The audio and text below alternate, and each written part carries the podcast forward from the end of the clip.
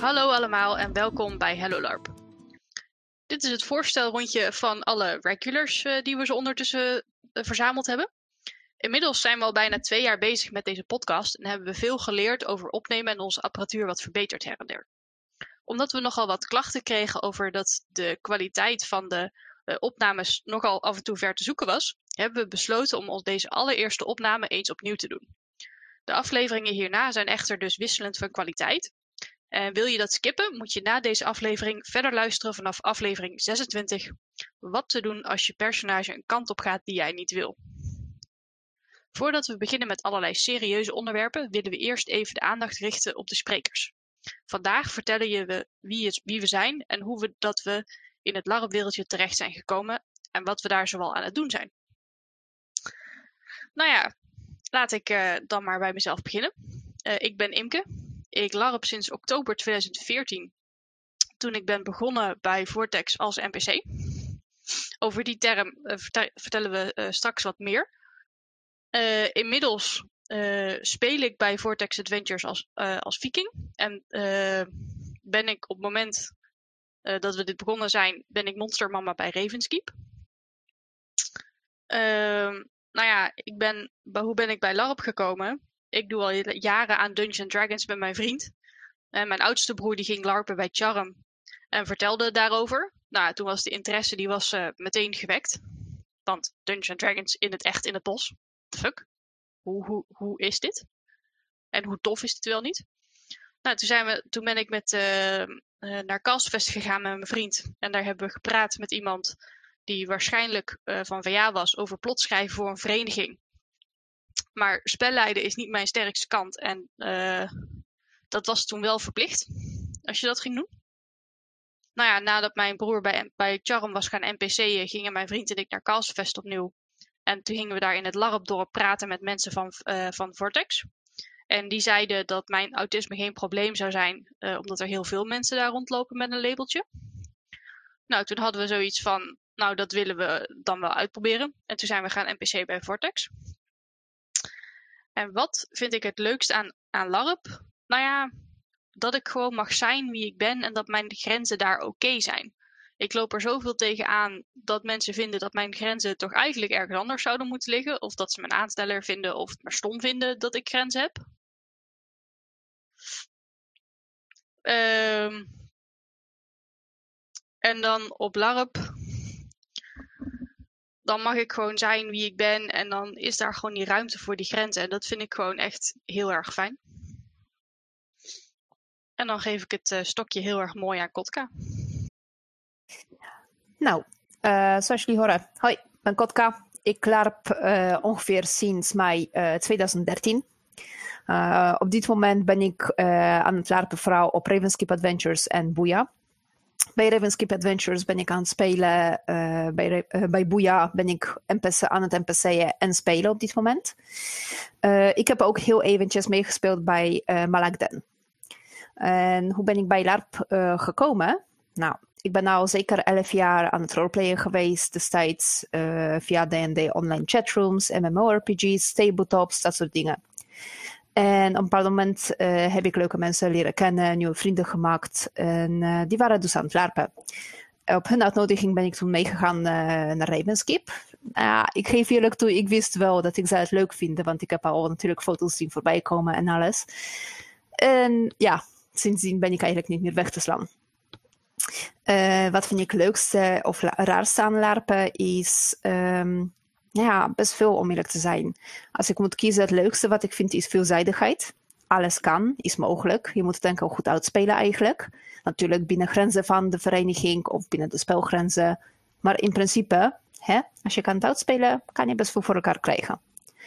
En het raarste, uh, bleed. Deze term leggen we ook uh, ietsje later nog uit. Uh, bleed heb ik eerder over gehoord uh, van acteurs en uh, ik ervaarde een milde vorm ervan de roleplay zelf. Maar ik was niet voorbereid op bleed naar larpen. Uh, dat was voor mij een volledig nieuwe ervaring eigenlijk. En het zorgde ook ervoor dat ik dook opnieuw even in mijn amateurstudie van psychologie. Nou, dat was even kort over mij. Ik geef het stokje door aan Pascal. Goedenavond, ik ben uh, Pascal. Ik uh, speel momenteel uh, bij Vortex Adventures en bij Booyah. Ik NPC voor Amphibion. Ik SL momenteel voor Estera. En ik ben ongeveer in 2006 voor het eerst begonnen met LARP. En dit is eigenlijk een, een, een ja, D&D uh, groep geweest die, waar, ik, waar ik in zat. Die hebben op een gegeven moment besloten om met z'n allen uh, de stap te nemen richting LARP. Die groep is toen helaas uit elkaar gevallen. maar ik heb een aantal jaar later opnieuw de hobby weer opnieuw opgepakt. maar dan met mijn vriendin, huidige vriendin. Wat vind ik het leukste en raarste aan LARP? Um, dat is denk ik voor mij de mogelijkheid om van alles te kunnen doen uh, wat in het dagelijks leven uh, niet zou kunnen of um, nou ja, niet toegestaan zou zijn. wat je in een LARP eigenlijk wel zou kunnen uitproberen zonder dat daar consequenties aan zitten. En dan wil ik hem doorgeven aan Mark. Hallo, mijn naam is Mark. Ik, uh, ik larp al uh, meer dan 25 jaar. Um, oh, op dit, ja, dankjewel. ik, ben de nest, ik ben de nestor van de ploeg. En daar is de volgende spreker heel blij mee. Um, maar ik, uh, op dit moment, door kinderen, werk en dat soort zaken, ben ik eigenlijk alleen nog maar speler bij uh, Vortex Adventures. Een paar keer per jaar. In het verleden heb ik heel veel gemonsterd. Ik ben heel veel spelleider geweest en ik heb zelf spelletjes georganiseerd. Uh, en buiten de, meeste evenementen die tot nu toe zijn aangehaald zijn zeg maar, veldlarps, waar je een, een weekend lang ergens in een tent zit en een, een fantasiespel speelt. Ik heb heel veel uh, vampierachtige uh, LARP-spelletjes gedaan. En ik heb ook heel veel one-shots gedaan met allerlei rare thema's. Spelletjes die wat abstracter zijn en wat dichter bij Nordic LARP liggen. Daar hebben we het volgens mij over 30 afleveringen pas een keer over. Um, hoe ben ik bij LARP gekomen? Uh, ik ben als heel klein jongetje ooit begonnen met de rode Dungeons and Dragons dozen. Die zijn in abominabel slecht Nederlands uh, vertaald. Uh, en dat vonden we heel spannend. En als pubers vonden we dat zo spannend. We hadden bedacht dat kunnen we ook echt uitspelen. Ze zijn met stokken zijn elkaar dan avonden te lijf gegaan. Ergens achter, een, achter de Ikea hier. Um, ik speel toen ook bij een spelletjesvereniging. Dat zat ik dan mijn zaterdagmiddagen. En die spelletjesvereniging die organiseerde weer met een andere spelletjesvereniging. Zo met Farotiel was dat een uh, LARP-spel. Daar hadden ze ergens iets over gelezen in een, uh, een, een Engels blad. En dat is eigenlijk mijn eerste LARP. Dat is wat later een V-wil is geworden. Oh. Um, ik heb, van daaruit heb ik uh, heel veel Dumno gespeeld. Fortress Avengers. Uh, en zo dus aanbeland bij uh, waar ik net bij begon. Dat ik nu alleen nog af en toe speel als ik uh, geen twee kinderen op mijn rug heb. leukste vraagste van LARP vind ik het benzinepompmoment. Ik heb, dat heb ik doorlopend.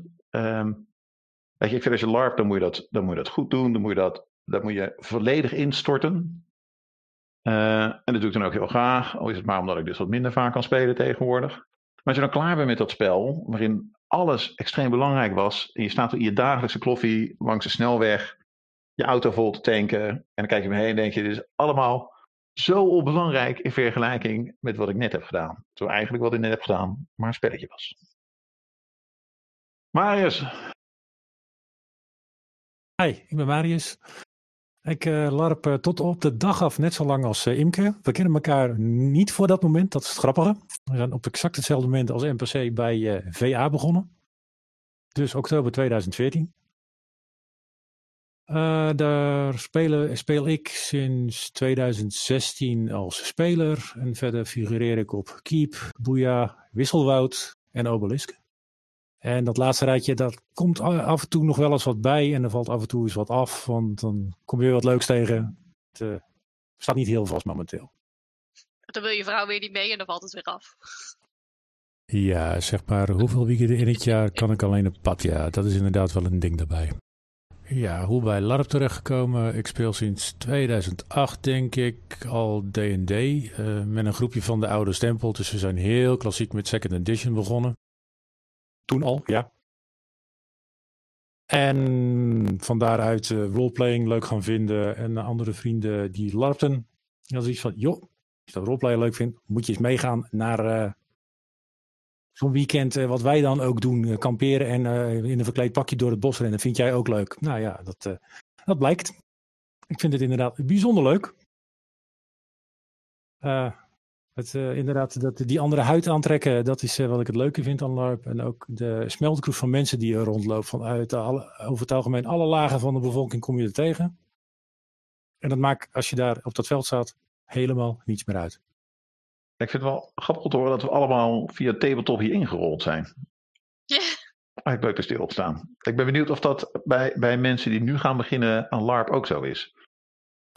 Weet ik niet, maar jij refereerde inderdaad aan het DMD-boxen. Die kan ik me nog eh, levendig herinneren, Mark. Met, die, die, die, die rode doos. eh, en dat je ook nog de groene doos, de blauwe doos geloof ik. En, Ik geloof dat ik alleen de rode en de blauwe ken.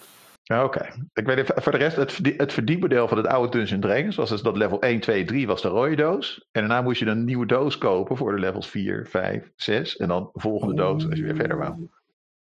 En dan lopen mensen nu te klagen over de prijs van de spelregelboeken. Ja, ach jongens. Ze gaan altijd klagen. Dat er staat in de, nou, als ik kijk wat ik ondertussen in huis heb van 5th edition boeken, dan is dat een klein kapitaaltje hoor. Dat is omdat ze hebben alle jaren gehad om eh, te uitgroeien tot een grote iets. Let's face it. En dan vooral ook wat niet door Wizards uitgebracht is. Ik denk dat dat het verschil is. Ik denk dat wij allemaal met tabletop begonnen zijn. Maar dat er misschien een volgende lichting komt. Die door hun ouders wordt meegenomen naar LARP. Oh ja, die is er al. Absoluut. Is dat, Ja, ik, Ja, ja, ja. ik denk dat ik er al twee ken. Bij, bij wie dat, dat mogelijk nog wel het geval gaat zijn. Ah ja, eh, Ma- Mark, eh, jij, neemt je, jij neemt je kinderen mee. Van de derde generatie larpers. dat Dus is zo. Ja. Een van mijn zoons is een keer mee geweest. En ik heb tegen gezegd, je mag vaker mee, maar dan moet je wel zelf de dingen voor gaan regelen. En dat is moeilijk natuurlijk. Hè? En ik, eh, nou ja, het uh, wisselboot wat ik net noemde, eh, dat is een kidslarp waar ik dan als NPC rondloop, omdat mijn stiefzoon van 14 daar zo graag naartoe gaat. Ja, dan ben je er toch.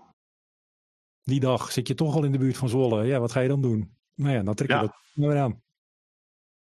Maar ik, ik, nou ja, ik kan me ook weinig moois voorstellen dan, eh dan rollenbollend met mijn kinderen over het veld. En eh, Ja, een mooi spel spelen. ik heb het gezien. Ja. Ik heb er foto's Ja, dat- van. Ja, dat was bij wissel. We gaan ook, we moeten ook nog een keer een aflevering doen over de eikenprocessierups. eh. Nee. Bij de Wisselwoud bedoel je? Ja, dat was de laatste keer wisselwoud. eh, special ja, van dat is Ravenskeep kan ik ook over meepraten. Vooral hoe moet je juist Ja. niet last van krijgen. Want iedereen had er last van, ik niet. Oké, Ja. daar, daar gaan we een keer een aflevering over doen. Het, het is voor mij echt een oh, een doodsteek van de hobby.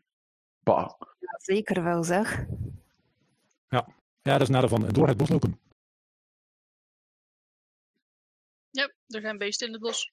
Ja, eh, door het bos, maar ook bijvoorbeeld zelfs op een eh, zand op, eh, zandvlaktes of wat dan ook. We waren eh, niet zo lang geleden in eh Veluwe geweest met mijn vriend. En eh, ja, werd al gewaarschuwd ook voor eh eikenprocessierups. Dus ja, loop je niet echt door een bos-bos, maar hm, was toch al Ja, als je, als je loopt valt het mee, maar het, is het, het wisselwoud wat Marius aanhaalt, dat is een, een kidslarp. Dus dan komen kinderen, die mogen volwassenen slaan. En die volwassenen die vallen om en die rollen over de grond Ja, nog een keer en nog een keer en nog Ja, een keer. rollen. Dat, dat Ja. is- klopt. Rollen, maar ook bijvoorbeeld, weet je, als je bent, eh, je, je bent in het bos, je bent aan het vechten, je gaat natuurlijk zweten. Eh, als je bent vochtig, je huid is vochtig, gaan die haartjes ook aan je plakken. Oh, dan plakt dat beter. Oh, dat is Ja. fijn. Ja, Ja. dat. Eh, ik heb daarvoor tot nu toe maar één manier gevonden om tegenaan te gaan. En eh, dat is gewoon puur kleding. Laagjes, laagjes, laagjes. En lange mouwen, lange broekpijpen, weet je, dat soort meuk. Oh. Yep. Bah. Nou ja, weet je. Ja, ik loop toch altijd al helemaal bedekt, want ik kan een beetje niet echt. d- ah, mijn karakter is B. Nee, ik hou gewoon ervan. Dus voor mij was het best wel fijn. ik had nergens last van. Ik heb als ik, zeker als ik monster speel, dan vind ik het tof om. eh, Je, je, nou ja, weet je, je gaat één keer vechten en de spelers slaan je plat. En wat dan heel vaak gebeurt, is dat je wordt teruggefloten, dat je er nog een keer in wordt gezet. eh, om de, de, de spelers bezig te houden. Eh, na de derde of de vierde keer, dan dump je toch wat kledingstukken en nog wat kledingstukken. En uiteindelijk, nou ja. Loop je rond in je lendendoekje, wou je zeggen? Dat, ja, ja, er zijn vaak Bijna. van. Ja, ik. Maar eh, we, we zijn wel heel erg gezellig. We roepen alweer allemaal dingen waar ehm, de meeste beginnelingen geen weet van hebben, denk ik. Je hebt het net Oh ja, al dus- monsteren genoemd. ja. Ja misschien En als, als de- de- NPC'en misschien deze aflevering wel een goed punt om al dat soort kreden even heel snel eh, door te denderen. Ja. Goed, laten we eens beginnen bij dat figureren NPC'en monsteren. Ik noem ze expres allemaal tegelijk. Want het betekent allemaal hetzelfde. Je bent de figurant die de aankleding van de setting verzorgt namens de speelleiding. Ik geloof dat dat een redelijke samenvatting is. Nou ja, in principe, je kan ook nog een beetje dat uitleggen, uitgebreider natuurlijk. Ehm, hoe word je figurant eh, of NPC is meestal op uitnodiging van eh, spelleiding of je meldt je aan als NPC eh, bij je aanmelding naar een LARP-evenement. Ja, dat wisselt per vereniging inderdaad. Er zit er verder in de toekomst een heel uitgebreide aflevering over figureren. Dus ik, daarom wil ik er ook niet te diep op ingaan. Het is puur dat de kreten een beetje duidelijk zijn. Wat betekent het eigenlijk? Precies. Misschien heel snel, want de veteranen kunnen dit toch doorspoelen. Maar de, de- heb, je, heb je wat voorbeelden van figuranten, monsters, eh, et cetera? Ehm, Marktkoopman. de marktkoopman die probeert eh, dingen eh, aan de, op die manier dingen in het spel te krijgen waar spelers daarna weer mee wat kunnen gaan doen. Ehm, de, Nou ja, grote groep, de grote groep vechters eh, die eh, het dorp komt overvallen, zijn vaak ook eh, niet-spelers. Klopt. En de, de, grote, de, vooral niet te vergeten, de hele grote eh, boze necromancer die al die doden de hele tijd eh, op al die levende mensen afstuurt. kan soms een speler zijn. Dat kan een speler zijn, maar over het algemeen zijn de, zijn de ondoden geen spelers. De groot slechterik van het verhaal is inderdaad makkelijk als, die, eh, als je die kan besturen als eh, spelleider. Die wordt, Precies. eh, ja. Zal Is ik je meteen vaak- Pascal. Vergis je vaak niet, eh, koningen, landheren en dergelijke willen ook wel heel gauw eh NPC-rollen worden. Oh, ja. Ja. Hij, hij werd gebrugd naar spelleider eigenlijk al. Wat is de Ja. rol van een spelleider? Ik denk dat jij Nou, die het beste uit kan Kan ik leggen. zeggen, maar- Mark, Mark, eh, als er iemand even Ja? een zin over kan zeggen, ben jij het wel. Dus de, de, de spelleider is zeg maar de marionettenspeler die al die figuranten aanstuurt om uiteindelijk een verhaal mee te maken. En de spelleider is ook diegene waar je terechtkomt als je iets wil doen wat je niet zelf met spelregels kan oplossen. Dus als jij bijvoorbeeld een, een lichaam vindt en er zit iets van smink op en je wil eigenlijk weten of daar misschien, weet je, zitten daar misschien sporen op van een specifiek wapen, dan wil je dat aan een spelleider kunnen vragen. Want dat is iets wat moeilijk eh, eh, uit te tekenen is van tevoren. Of iets wat je moeilijk zelf kan bepalen als speler. Ja, of wanneer je wil weten of dat er een bepaalde ziekte in zit. Want als je de... Oh nee, nee, dat, dat kan je zonder spelleiding doen. Dan vraag je het gewoon aan de NPC. Ja, op zich een ziekte, weet je, als jij iets van een oplossing wil maken, je wil een ziekte genezen en, en je hebt wat bedacht, ik wil dit combineren, dat combineren, dat combineren, dan moet je naar spelleider lopen, zeggen spelleider, dit is wat ik ga doen, dit is mijn plan, Eh, wat gebeurt er nu? En afhankelijk van hoe eh, inter- eh, eh, eh, moeilijk de spelers doen, ben je ook vaak een vraagbaak voor de monsters die dan weer de random vraag X van de speler gehad hebben, waar ze niet op gebriefd waren. Oh ja, dat zijn de beste momenten.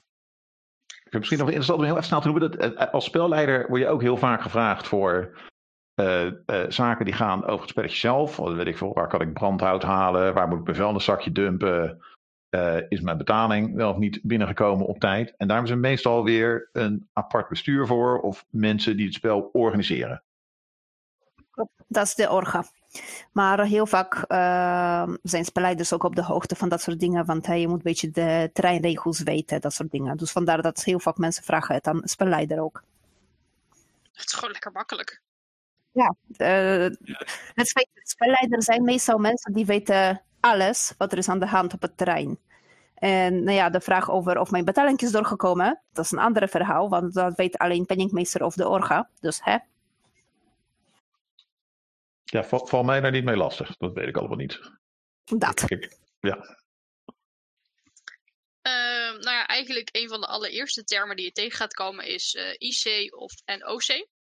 En IC staat dan voor in character, dus daadwerkelijk het personage wat je neerzet. Of dat dat nu als figurant is of als speler. Je hebt een personage wat je neerzet. En als terwijl je dat aan het doen bent, ben je IC. En dan heb je ook nog OC. En dan stap je uit dat personage, omdat je bijvoorbeeld even op de wc zit. Of ehm, je moet even wat communiceren wat buiten het spelletje omgaat. Dan zit je in OC-tijd. En uh, dan zal ik de, de, de, andere er meteen ook maar even bij pakken. Ehm, als je heel veel uh, LARPs hebben dezelfde regel, namelijk als je heel even uh, tijdens het spelletje OC moet gaan, omdat je even wat door moet geven wat buiten het spelletje uh, om moet gaan, maar wat wel mensen moeten weten, dan zeggen ze vaak even handje omhoog. Uh, dan weten mensen van oké, okay, ik ga even OC en dan doe je je handje weer naar beneden en dan ben je weer IC. Precies. Uh, ga je echter over OC dingen praten terwijl dat uh, jijzelf of iedereen nog in character is, dan wordt dat dippen genoemd. Uh, gaan, hebben wij daar ook nog een aflevering of iets over gewijd? Nee, het is niet specifiek dippen, geloof ik. Nee. En dat wordt eigenlijk de, zeker door de mensen die heel erg uh, invested zijn in hun personage en dat zo lang mogelijk willen spelen en zo laat mogelijk door willen gaan. Die storen zich daar echt aan als ze dan aan de kampvuur gaan zitten en mensen zitten heel erg te dippen, waardoor er gewoon geen ruimte eigenlijk is om nog verder te spelen. Ja, je, eigenlijk, nou ja, je wil natuurlijk, weet je, je wil, als je in je karakter zit, dan uh, uh, stoort het ook heel erg als er dingen van buiten bij komen die niks te maken hebben met het spel. Dat is ik, Roderick, uh, de, de drakendoder speel. Dat naast mij Hans in een mobiele telefoon gaat leuteren met zijn neef over hoe Ajax gespeeld heeft. Dat, ja. daar word je heel, dat, dat past niet in het spel, dat mag niet. Dat moet nee. wegwezen. Ben ik helemaal met je eens. Ja. Maar die zit meer in de IC-OC-hoek. Het dippen vind ik ook een beetje de.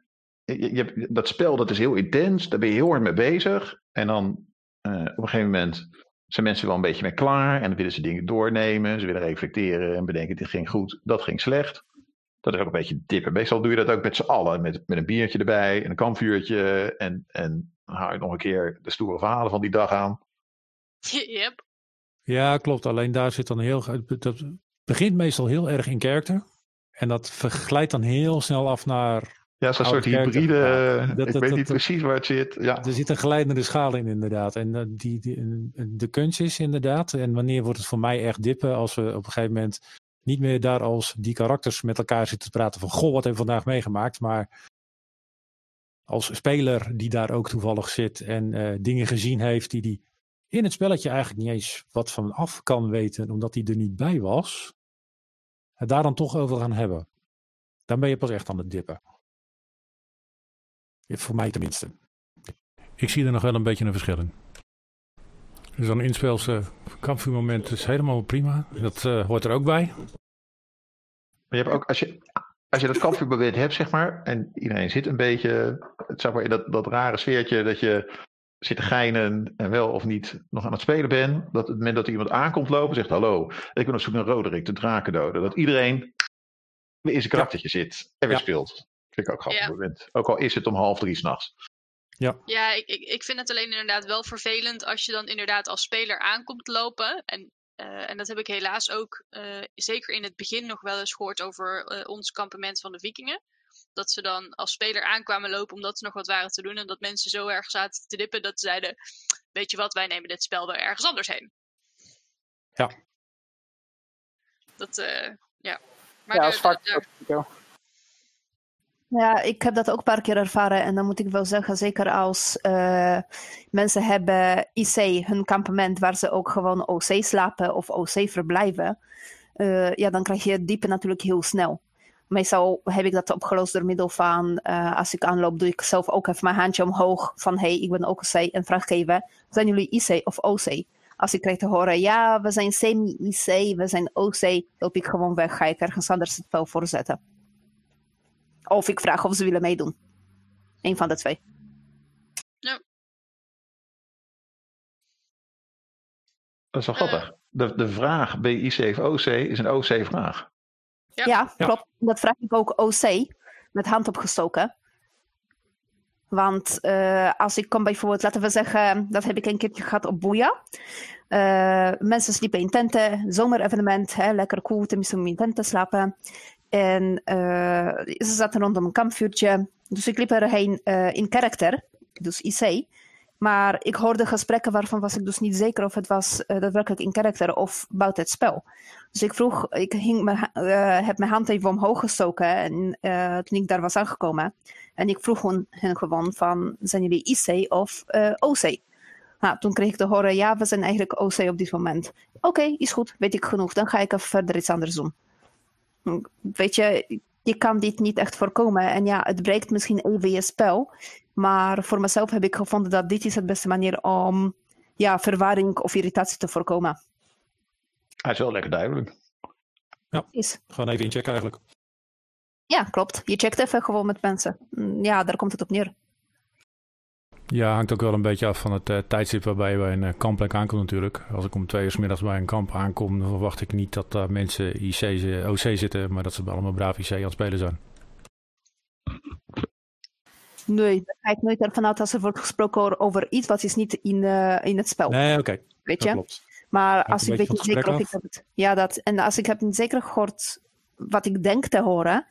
Weet je, dan heb ik sowieso zoiets van: ik check liever twee keer dan dat ik ga sommige fout maken.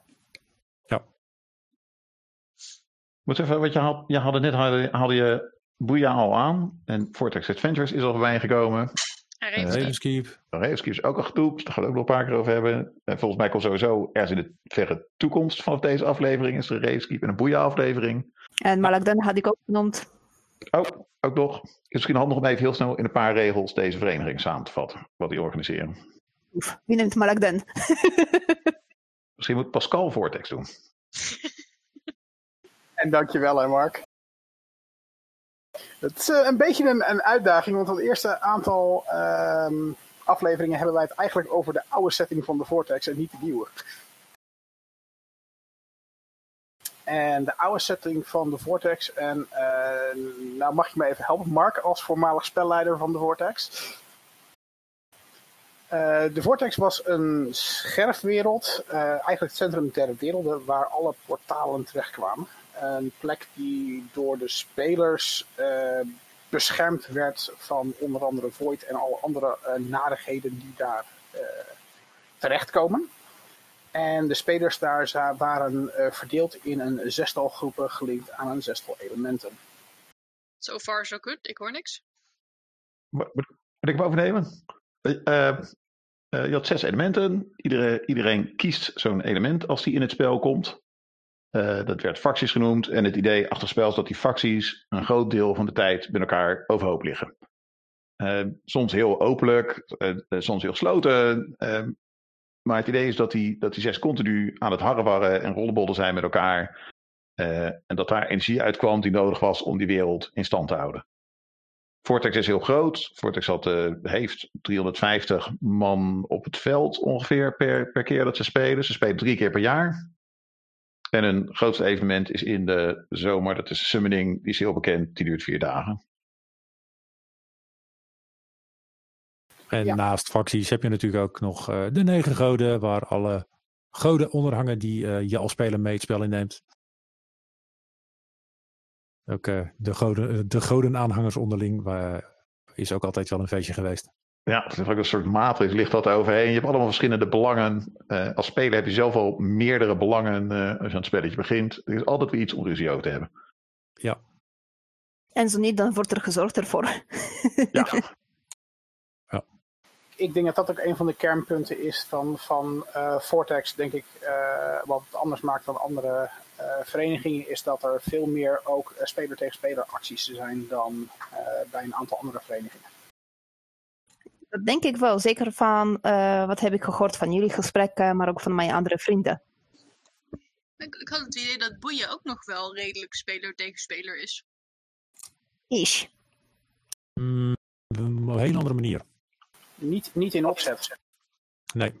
Het gebeurt wel waar, natuurlijk. waar, waar, waar gaat, waar gaat Boeia over? Eh, dat laat ik aan Kotka en Pascal. Die Ja, nou, ik, kan er wel een opzetje, zoals ik het zie, eh, wel even opzetten. Omdat ik er ook al een paar, nu toch al een paar jaar rondloop. Eh Boeia is een grote sandbox eh, waar eigenlijk alles mogelijk is. Want het eh, speelt op een wereld. Daar hebben we wat inheemse volkeren. eh, nou ja, die kan je dus als speler eh, spelen. Maar je kan ook gewoon alles neerzetten wat je wil, wat van een andere wereld komt. Want dan ben je gesummend door eh, de hogere machten die denkt dat jij wat nuttigs kan doen op die wereld. Het sterkste voorbeeld ervan was de laatste keer dat ik was, zag ik die rondlopen. Die liep er als gewoon mens. Niks bijzonders, geen, wat, niks meer magie, geen rare zware. Nee, gewoon mens met een pistool. Nou, hij beter kwam, nog. gewoon van de aarde, hij kwam gewoon van de aarde af. Want dat kan in die setting. En beter nog, we hebben zelfs eh, sinds kort daar een speler die speelt eh, zichzelf van onze tijd, ja, onze wereld. En eh, hij speelt zichzelf daar. Eh, ik ken die jonge persoon, die man persoonlijk. Hij vond het best wel heel erg pittig om zichzelf te moeten gaan larpen. Dat kan ik me best wel voorstellen. Jezus. Ja, Die is niet makkelijk hoor. Dat is heel meta. De- Dus je larpt, je, je speelt jezelf, maar je bent jezelf niet. En, en je weet wat LARP is, want hè, je larpte ook in deze wereld. En je weet dus wat LARP is. Dus, dus ja, mind blown. Maar op Boeia kom je dus echt eh, van alles tegen. Ook eh, eh, Warhammer 40k, eh, karakters. Eh, je, je kan het zo gek niet verzinnen of het loopt er wel rond. Jedi. Wel Alles wat met fantasy of whatever te maken heeft, dat, dat kan daar naartoe komen. Zelfs Eh, eh in ook ja. in andere settings bijvoorbeeld.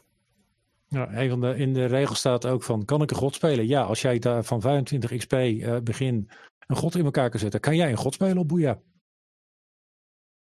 Als het maar in die eh, begin eh, XP van 25 past, wat je neer wil zetten. Kan alles. En voor de rest is het eh, een vrij grote levende wereld waar natuurlijk van alles en nog wat aan de hand is, maar waarbij overwegend het de spelers tegen, eh, de, spelers tegen de wereld is. En niet zozeer de spelers tegen de speler.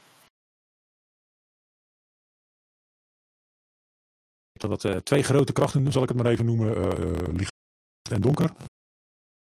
Kan je ze ook wel zo benoemen, denk ik, zonder al te veel weg te geven. En ja, die doen dingen met de wereld. En het licht is niet altijd even positief als je denkt hoor. Ja, ja, het grappige is dat je ze feitelijk onder één noemer kunt zetten. De gevleugelde en, en, en de aardgebondene. En eh Reefs, Reefskeep? Yes. Mijn beurt. Ja, nou mag jij Ja. even beginnen, Kotka. Nou, eh Ravenskeep is een van langsbestaande eh LARP-verenigingen in Nederland eigenlijk. Eh, we hebben, even kijken, niet zo lang geleden onze 20 jaar eh, bestaan, oftewel 40 events eh, gedraaid. Ik ben nu even de tel kwijt om eerlijk te zijn op hoeveel events zitten we. Geef ik eerlijk toe. 40ste, dat 40ste event is al drie jaar geleden. Nou, Dat dan was eh, zitten we, als de corona-gedoe was niet gebeurd, dan zouden we dit jaar eh, onze 46ste event hebben. Eh, maar eh, ja, het was begonnen eigenlijk als een side project van mensen die eh, waren aan het spelen op een andere vereniging. En die groepje wilde eigenlijk doorgaan met hun groepje, met hun verhaaltje. En zo begonnen ze dus een LARP. Het begon met een groep klein, dan groter, steeds groter, steeds groter. Op dit moment eh, telt onze vrij actieve Facebookgroep eh, meer dan 400 eh, leden. Hoeveel zijn daadwerkelijk elke keer op de evenement? Nou ja, dat is natuurlijk een beperkte hoeveelheid. Ik dacht zo uit mijn hoofd, maximaal mogen wij 120 man hebben op het terrein. Dus 120 man. Nog steeds vrij druk. Ja, En- interessant is, om te vermelden misschien, is dat Reefskeep ook uitverkoopt elke keer nog. Ja, dat klopt. En we hebben nog altijd tekort aan NPC's. dus dat. Eh, maar in principe, mensen willen inderdaad heel vaak eh, bij Ravenskeep eh, komen en graag beginnen daar. Het is een vrij laagdrempelige eh, evenement. Dit jaar zijn ze bezig om, om, om hun nieuwe regelsysteem in te voeren. Dus ook nieuwe karaktersysteem, et cetera. Ik hoop dat dat blijft nog steeds dus laagdrempelig genoeg voor nieuwe spelers en nieuwe beginners in LARPen. Ik ga er eigenlijk best wel vanuit, om eerlijk te zijn. Nou ja, het is een eh, high fantasy setting. Eh, veel magie, veel eh, monsters, veel plotjes, maar ook gouden plotjes. Er wordt ook geknoeid met tijd en plaats. Op dit moment, tot nu toe, hebben wij nog geen harde reset gehad. Eh, we hebben wel een soort van een soft reset gehad. En dat gaan we ook nog even uitleggen wat die woorden betekenen. Eh, in principe, ehm, we zijn beland in een nieuwe tijdlijn van onze wereld. En natuurlijk, de leven gaat door en plaatsen gaan door. En ja, je kan een elf spelen, je kan een dwerg spelen, je kan een rat uh, mensen spelen. Uh, uh, hoe heet dat? Ska, ska, ska, Skaven, dat was hem. Ja, ja, dank je. En dan, je kan een nieuw anti in slangenmens spelen. in principe, alle rassen van fantasy kan je spelen. al leggen de spelleiding wel beperkingen op sommige rassen. Je kan natuurlijk als een beginnende speler, uh, nieuwe larper, beginnende speler bij, Ravenskeep, niet zomaar een vampier, wat van nature een heel sterk wezen is, gaan spelen. Dus dat wordt bijvoorbeeld alleen uh, toegestaan voor bepaalde spelers uh, of om, vanwege bepaalde redenen, dat soort dingen. verder, het terrein wat we gebruiken is heel groot. Inca-terrein, vlakbij Ude in Limburg was het? Nee? Brabant. Brabant, dank je. Ja. En bedankt. hey, ik kan Nederlandse topografie bijna niet, hè? Sorry. Ja, oké. Vraag aan mij iets over Polen, dan kan ik het zo vertellen. Ja, ja. jij mag de fout maken, de rest niet. uh, Brabant, excuses ervoor inderdaad. Uh, uh, mooie, prachtige, heel bewozen terrein. Uh, we hebben een open vlakte, we hebben een aparte kampeerterrein. Uh, spelterrein en kampeerterrein zijn gescheiden door middel van een uh, weg. Dus je hebt een heel duidelijke fysieke scheiding eigenlijk tussen die twee. je hebt een bar met keuken waar je kan eigenlijk constant iets te eten halen, iets te drinken halen. er worden extra toiletten blokken neergezet op het kampeerterrein. Dus wat dat betreft weet je, je bent vrij zeer luxe voorzien enige luxe wat heb ik tot nu toe een beetje meegemaakt, was eigenlijk uh, ja, ergens binnenlarpen. Uh, dat je hebt een hele gehuurde locatie van een huisje en dat soort dingen. Uh, voor de rest is Ravenscape heel actief met hun specials. Dat zijn dus aparte evenementen voor plotjes, extra plotjes. Bijvoorbeeld, um, nou ja, expeditie om iets te vinden of iemand te redden, dat soort dingetjes. Eh, NPC's en spelers en uh, spelleiders uh, gaan over het algemeen heel goed samen om. soms worden er plotjes naar je toe gegooid dat je hebt zoiets van, huh, wat moet ik hiermee? En dan wordt er heel voorzichtig aangestuurd, zonder dat je het soms merkt. Dus het algemeen vind ik persoonlijk, nou ja, ik ben daar begonnen, dus ik ben een beetje biased. Um, Ravenskeep vind ik een van de leukste evenementen om te spelen uh, ben daar begonnen. Dus ja, dat blijft mijn stamlarp een beetje. En ja, als iemand wil ooit gaan uitproberen of iets leuks meemaken, dan zeg ik bijna altijd: kom naar Ravenskeep. Want we hebben van epische gevechten tot uh, plotjes in het duister, kleine steegjes, tot aan uh, kijk uit met snoepjes aannemen van priesteressen. en Ravenskeep is zeg maar ook de stad waarin over het algemeen gespeeld wordt. Die wordt uitgebeeld door een groot aantal tenten. Er staat ook een stadsmuur omheen met een poort en al. Klopt. Klopt. Ondertussen hebben wij zelfs twee omheen maar de, de hoofdlijn uh, gebeuren in die stad. En je hebt natuurlijk al te maken met de buitenwereld buiten Ravenskeep. Inderdaad. Ravenskeep is uh, soms het laatste veilige plaats van alle leger en gevechten. Uh, op het laatste plaats waar de goden waren nog uh, te horen. Uh, ik heb ondertussen echt verschillende plotjes meegemaakt waar Ravenskeep was. Het enige veilige, The Last Sunshine, The Last Sunray. Dat soort dingetjes. Dus op zich, ja, het is nooit saai. Dat geef ik eerlijk toe. Van, van alle drie de verenigingen die we genoemd hebben, Vortex Adventures, Booyah en Ravenskeep, waar zou je als nieuwe spelers, wat mensen die nu nog luisteren zijn nieuwe spelers, waar ze als nieuwe speler het makkelijkst kunnen instappen? Ik denk dat het alle, ja, ik zou boeien zou ik niet per se nemen, maar zowel Vortex als Ravenskeep zijn redelijk newbie-friendly. Ravenskeep is zeer newbie-friendly. Vortex is het wel handig als je er niet in je uppie naartoe gaat. Ja, dat wel. En op Boeia... bij iets minder. Op Boeia, ja, kan wel pittig om uh, opeens in te stappen, afhankelijk van welke evenement het is, want soms kan er in één keer heel veel gaan gebeuren. En Ja. op Ravenskeep krijg je, eh, wat is sowieso geloof ik ook op Boeia, gewoon intro eh, quest. Eh, en dat is gewoon begeleiding van de speler het spel in, jouw aankomst in Ravenskeep, het stad. Ja. En dat vind ik een beetje eh fijn, zeg maar, van begin voor het speler. En het leuke is, eh, je kan ook best wel redelijk zelf bepalen wat je gaat doen, namelijk bij de intro quest. Het is niet van, oh, volg de spelleider of volg het hele groep, want hè, iedereen gaat naar Ravenskeep. Je krijgt echt wel wat, een wat plotjes voor je. Het is een quest, dus hè, gaat iets gebeuren.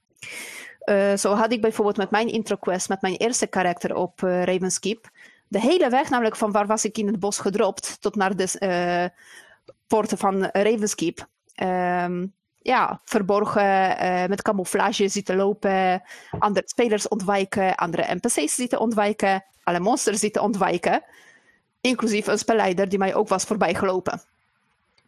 Jij voor camouflage doeken. maar in principe, eh, ja, je moet ergens beginnen en Vortex lijkt me leuk inderdaad om naartoe te gaan met een groep.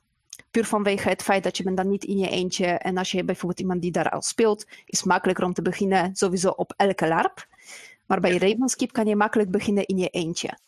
Eh, zodra nieuwe gezichten, nieuwe spelers of nieuwe karakters komen onze stad in, er staat altijd iemand klaar bij het poort om die mensen te opvangen. Om hen te begeleiden, achterhalen, wat komen ze te doen? Eh, zoeken ze een priester, zoeken ze iemand van hun eigen geloof? Zijn ze veilig? Hebben ze genezing nodig? Dat soort dingetjes. Dus je wordt eigenlijk het spel ingetrokken bij Ravenskeep. Oké. Eh, de, de drie LARPs waar we het net over gehad hebben, dat zijn allemaal high fantasy LARPs. Ja, kunnen we wel zo stellen. Maar er zijn natuurlijk veel meer soorten LARPs dan alleen high fantasy. Zeker. Ehm, de post-apocalyptische LARP is een eh, bekende term, denk ik wel voor ons. Eh, kan iemand daar wat, zin, eh, wat uitleg over geven? Want ik doe er zelf niet. En Post-apo, ja, het, er is een grote heftige gebeurtenis geweest. En het is een wat meer technische LARP vaker dan ehm, een fantasy LARP. Ik heb er zelf Geef eerlijk ik heb dus het nog nooit gespeeld. Je hebt volgens mij, als je, als je nu kijkt, heb je volgens mij lopen er nog drie of vier post-apocalyptische LARPs in Nederland. Die alle vier natuurlijk net een andere, andere kleur post-apocalyptisch zijn. Dus je hebt, eh, je hebt een Fallout gebaseerd LARP. Je hebt een, eh, er komt na de zomervakantie 2020 komt er een Airsoft eh overlevings-LARP. Volgens mij hebben we nog een Mad Max-achtig LARP. En eh, dan heb ik nog één waarvan ik geen idee heb. Anders dan dat ik weet dat ze post-apocalyptisch zijn. Ja, je hebt ook nog Frontier. Of Oh ja, Frontier, dat is science Ja. fiction eh, eh, gericht. Apo? Ja, ze zijn wat voorbij post-apo. EOS? Ja, Ja, dat is Frontier. dat is de, dat is de, de nieuwe naam. Of dat is de oude naam. Zoiets. Of dat is de stichting misschien. Ja, je hebt ook nog low fantasy. En dat zijn dan vooral de LARPs waar magie eh, of nooit is geweest en nu heel langzaam een klein stukje op begint te zetten. Of waar eigenlijk maar heel weinig magie te vinden is. Of, Je hebt, zo, je ja. hebt LARPs die tegen het reenactment aanschurken. Die een beetje in hetzelfde genre zitten.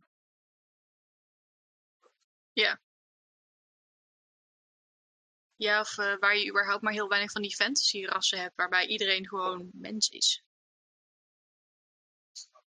Ja, Eh, Dat je zeg hebben maar wat de- meer in de middeleeuwse stijl blijft zonder al te veel eh, rare entiteiten die er rondlopen, om het maar zo te noemen. Eh, Ja. Dat zou Malak Den zijn, geloof ik. Oké. Zo eh, uit mijn hoofd. Even kijken hoor, je hebt ook nog. Ja, reenactment is inderdaad echt weer een hele andere tak van sport. Maar er zijn LARPs die daar inderdaad heel dicht bij, dicht bij, Ja. bij tegenaan zitten. Yggdrasil is er daar eentje van. En dan heb je ook nog natuurlijk eh, Vampire LARPs. Oh ja. Vampire in Tilburg, Vampire. Je hebt, je hebt grootschalig Vampire wereldwijd. Met de Convention of Thorns. En, eh, je hebt ze nog in Utrecht. nog- In Rotterdam heb je ook nog. Oké. Weerwolf. Weerwolf in Delft. Ja. Sowieso heb je het hele Noordelijk LARP gebeuren, waar- waarin iedereen, iedere keer een, een, eh, waarin ze meestal een eenmalig evenementje organiseren van een paar uur of een avond, of misschien ook wel een weekend, gebaseerd op een concept of een, een abstract. En natuurlijk one-shot. De meest wilde one-shots. Oh ja, je hebt ook nog van die magic schools. Ja, Oh ja, de, inderdaad. de Harry Potter-achtige. Ja, Ja. Wizardry. ja. Ik heb volgens mij sowieso, zeg maar, ik, eh, eh, we hebben over de 100 LARP-verenigingen in Nederland. eh. dat, dat is het eerste wat ik in deze podcast heb geleerd. De waanzinnige hoeveelheid LARP-spelletjes die er gespeeld worden elk weekend. Ja. En dat het in elk mogelijk genre en elk concept en elke tv-serie die ik kan bedenken, dat iemand er wel een keer een spel over heeft gemaakt. Of hem nog steeds draait. Ja, er is ook een keer een Firefly LARP geweest. Ja, inderdaad. Oh, en er was ook een eh LARP gebaseerd op een eh, cult. Was ook nog. Ja, Oeh. zware kost. Eh, circus? Hebben we ook gehad, ja. Je kan het zo gek niet bedenken of je kan er wel een larp van maken. Klopt. Even kijken. Maar ik denk beter gezegd, of er is wel een LARP van gemaakt. Ja, Nou ja, we hebben natuurlijk ook nog historische LARP. eh Belvedere. Dat, eh, oh ja. ja. Watervlieg er ook zo eentje. En eh, al eerder genoemd natuurlijk Kids LARP. Is ook een eh, eentje al Ja. muziek. Ladingen Kids Lars. Ja, Ja, dan zitten die vaak al eh, in de fantasyhoek. Er, er was er ooit zelfs eentje van Duizend en één Nacht. Die bestaat niet meer. Ah, dat is jammer. Ja. Even trouwens kijken. ook, de, eh, ik, ik denk dat die doorgaat. Je hebt, eh, volgens mij eind van het jaar heb je Belgrave. Dat is een, eh, een luxe LARP. Volgens mij is het 400 of 500 euro voor deelname. Maar dan heb je dus een eigen slaapkamer, luxe diners, drie gangen diners, elke dag. En we zijn natuurlijk Steampunk vergeten. Oh ja, Ja. Oh ja, die heb je. Ja, ja, ja. ja. Wat was het hem eigenlijk voor genres? Ja, trouwens, Ja. eh, Werewolf en Vampire LARPs, die worden over het algemeen eh, World of Darkness of Modern LARP genoemd. ik zit even te denken. Ja, volgens mij hebben we nog geen, geen vampire-achtige LARPs gehad die niet World of Darkness gebaseerd waren. Nee, want ja, dat is meestal wat je het basis eigenlijk waar het op wordt gebaseerd. Ja, Eh, dat is ook wel een hele goede setting. Ja, maar dat is ook het, is het meest bekende setting. En je kan een nieuwe setting gaan maken of bedenken. Maar heel eerlijk gezegd, op een bepaald moment kom je toch op hetzelfde neer. Want dat is waar het eigenlijk een beetje mee begonnen is. Let's face it. Ja, dat is eigenlijk zelf, dat is wel grappig dat letterlijk mee begonnen, want ze, eh, ze zijn volgens mij een van de, de, de, mensen, de White Wolf, de uitgever van, eh, van Vampire Wereld, van al die boeken, is een van de eerste die begon met boekjes met LARP-spelregels. Ja? Ja, volgens mij wel. Mind's Eye Theater, ik heb de, de eerste edities nog liggen. Dat is, eh eh, poeh, eh, jeetje. Het werd al genoemd in een van, eh, van hun tabletopboeken, van hey, dit is hoe je het live uitspeelt. Ja, daar stellen ze al voor dat je begint met een kaars op tafel en dat mensen in hun rol komen binnenlopen op de avond zelf. En daarna komen ze heel snel met de Mind's Eye Theater boeken. En ik, kan- ik heb de eerste edities nog in de kast staan. Dat is, eh, hoe oud was ik toen? Eh, dat is 26 jaar terug. Ja, ik, ik denk 26 jaar terug. Oké. Echt heel lang. Sowieso dat, eh, dat. Ik ben er dat ik daar op zoek ging als student. Dus ik had erover gelezen. En toen had ik ergens op een nieuwsgroep had ik een bericht gevonden dat er eh, Vampire live werd gespeeld. Ergens in Den Haag. Toen kwam ik iemand anders tegen, die was er ook naar op zoek. Mevrouw Marije Baalman. Die is, als je Vampire in Nederland hebt gespeeld, dan ken je Marije Baalman. Eh, en toen, ik heb Marije Baalman hebben elkaar gevonden. En toen hebben we, eindelijk hebben we die groep dus gevonden. Die speelde echt heel duister in een oud buurthuis. En volgens mij ging er een heleboel doop door die mensen heen voordat ze überhaupt aan het spel begonnen. Dat is een heel ander, ander soort spelletje dan, eh ander soort live spelletje dan wat wij doen. eh. waren bijzondere tijden. Ja, goed. Dan denk ik dat we alle genres die we kunnen verzinnen wel genoemd hebben. Dan, eh, we hebben het al eerder genoemd, Bleed. Het eh, wordt later in een eh, podcast nog wat uitgebreider over gesproken. Bleed is het doorbloeden van je eigen persoon in je personage. En ook omgekeerd. Dat je, wat je personage in een spel meegemaakt heeft, dat je dat meeneemt naar huis. Dat uh, kan soms tot hele uh, bijzondere uh, of nare tafereelen leiden. Klopt. zeker bij de wat pittiger settings die er ook de ronde doen. willen er nog wel eens dingen uitgespeeld worden die nare associaties oproepen bij mensen die dat soort dingen in het echt meegemaakt hebben. Ja, het is heel, heel praktisch ook natuurlijk dat als jij dat je speelt een, een weekend lang een bepaald karakter en op zaterdagavond uh, is iemand die jou tot vijand heeft verklaard en jou doodslaat, jouw karakter doodslaat, dan ben je als persoon, kun je daar best even boos over zijn. Dat is een goed voorbeeld, inderdaad.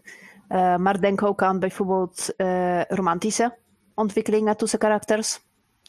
meeste spelers of meeste larpers doen dat niet zo gauw, maar het kan nog wel eens natuurlijk ook voorkomen of uh, nou ja, gevoelens van verlies, uh, romantische gevoelens, uh, maar ook ja, wat bijvoorbeeld um, dingen zoals, weet je, de, de, zware scènes of de zware plotjes wat jouw personage kan meemaken. Dat is gewoon wat je kan gewoon meenemen en onbewust, ja, weet je, je speelt een karakter en jouw karakter kan het misschien schouders ophalen en huh, nou, dat is ook weer gehad. Maar jij als mens neemt het nog steeds mee en je gaat het nog steeds verwerken. Dus dat is best wel pittig. Ja, maar het, het getuigt ook wel een beetje natuurlijk van de, de intensiteit van het hele LARP-spel. Ja, het diepte, weet je, hoe je erin duikt ook. Ja. Kan, maar het kan soms ook hele makkelijke dingen zijn. Zoals een week, een week lang nadat je een weekend een weerwolf gespeeld uh, hebt, nog steeds als een weerwolf praat op je werk. Oh ja. Van accentje niet kwijtraken. ja, dat. Die is zo bekend. Ja. En, uh, ik heb een leuke bleed gehad, bijvoorbeeld. Er was een uh, direct maandag na een evenement moeten naar het werk gaan, werken in winkels. En dan uh, nog een beetje met de mindset van mijn karakter reageren op een beetje irritante klant. Auw. het is gelukkig ja, ik, ik heb, afgelopen, maar... ik heb dat iets dergelijks ook wel eens van iemand anders gehoord die ik ken. Die, we zitten in een woongroep en zijn vriendin zei wel eens ja, we zaten een keer in een gesprek en toen hoorde ik zijn karakter ineens naar boven komen in dat gesprek. Toen heb ik hem toch maar even teruggefloten, want dat... Ja. Beter van niet.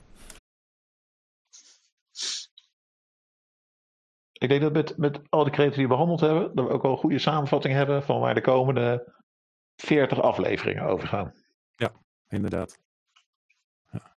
Vooral heel veel afdwalen. Ja, ja dat, dat gaat zo vaak gebeuren. We hebben nog eentje waarvan we gezegd hadden, daar willen we nog wat meer over vertellen. Nog een beetje wat we ermee bedoelen, dat zijn de harde en de softe reset. Um, soms, als, zeker als een verhaallijn in een vereniging heel lang loopt, dan heb je op een gegeven moment alles wel een keer gehad. En dan is de kans heel groot dat je in herhaling valt. Dat je telkens weer hetzelfde doet. En zeker als langlopende speler uh, kom je dan telkens weer hetzelfde dingetje tegen. En wat de spelleiding dan kon doen is een, eh, bijvoorbeeld een soft reset, waar uh, Kotka het net al over had met Ravenskeep. Ik was toevallig ook uh, op dat event aanwezig. Uh, dat er dus een timeskip is geweest. Oh ja, daar was ik ook bij. Alle, alle inwoners van Ravenskeep waren weg door iets. En die, Nexus.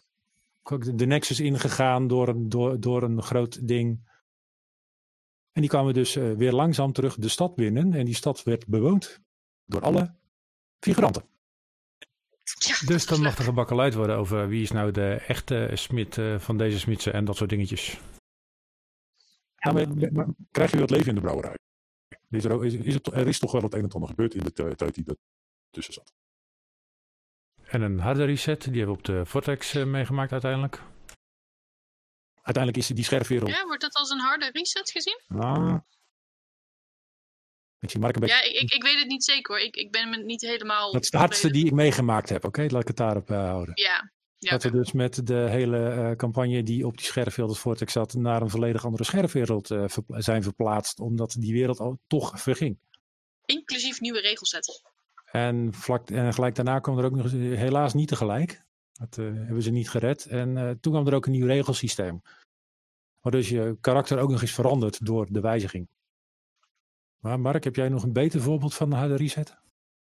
Eh, nee, nee de, de grap is dat eh, je, je doet een reset omdat je als spelleider op een gegeven moment gewoon uitgekleid bent. Je hebt alles bedacht, je hebt alle verhaallijntjes gedaan, je hebt alles al zover geëscaleerd dat je niet nog groter kan maken zonder dat het belachelijk wordt.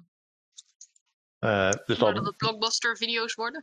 ja, zonder, ja, Michael Bay na, na drie Transformer films begon ook te vervelen. Ja. Dus dan willen het, het, het dekbed opschudden. Uh, maar het moeilijke is natuurlijk dat mensen hebben, spelen, weet ik veel, al tien jaar lang hetzelfde karakter.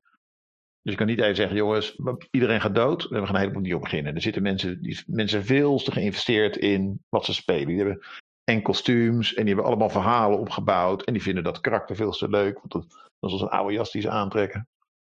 Dus tot nu toe, volgens mij, hebben wij alleen maar uh, softe resets gedaan tussen aanhalingstekens. Waarin dus om een of andere reden, zoals Marius beschrijft, de hele wereld onver wordt getrokken, maar de karakters nog wel blijven staan. En dat ja, hebben we met Vortex ook gedaan. Ja. Maar daar komen we pas over uh, best wel lang pas over terug.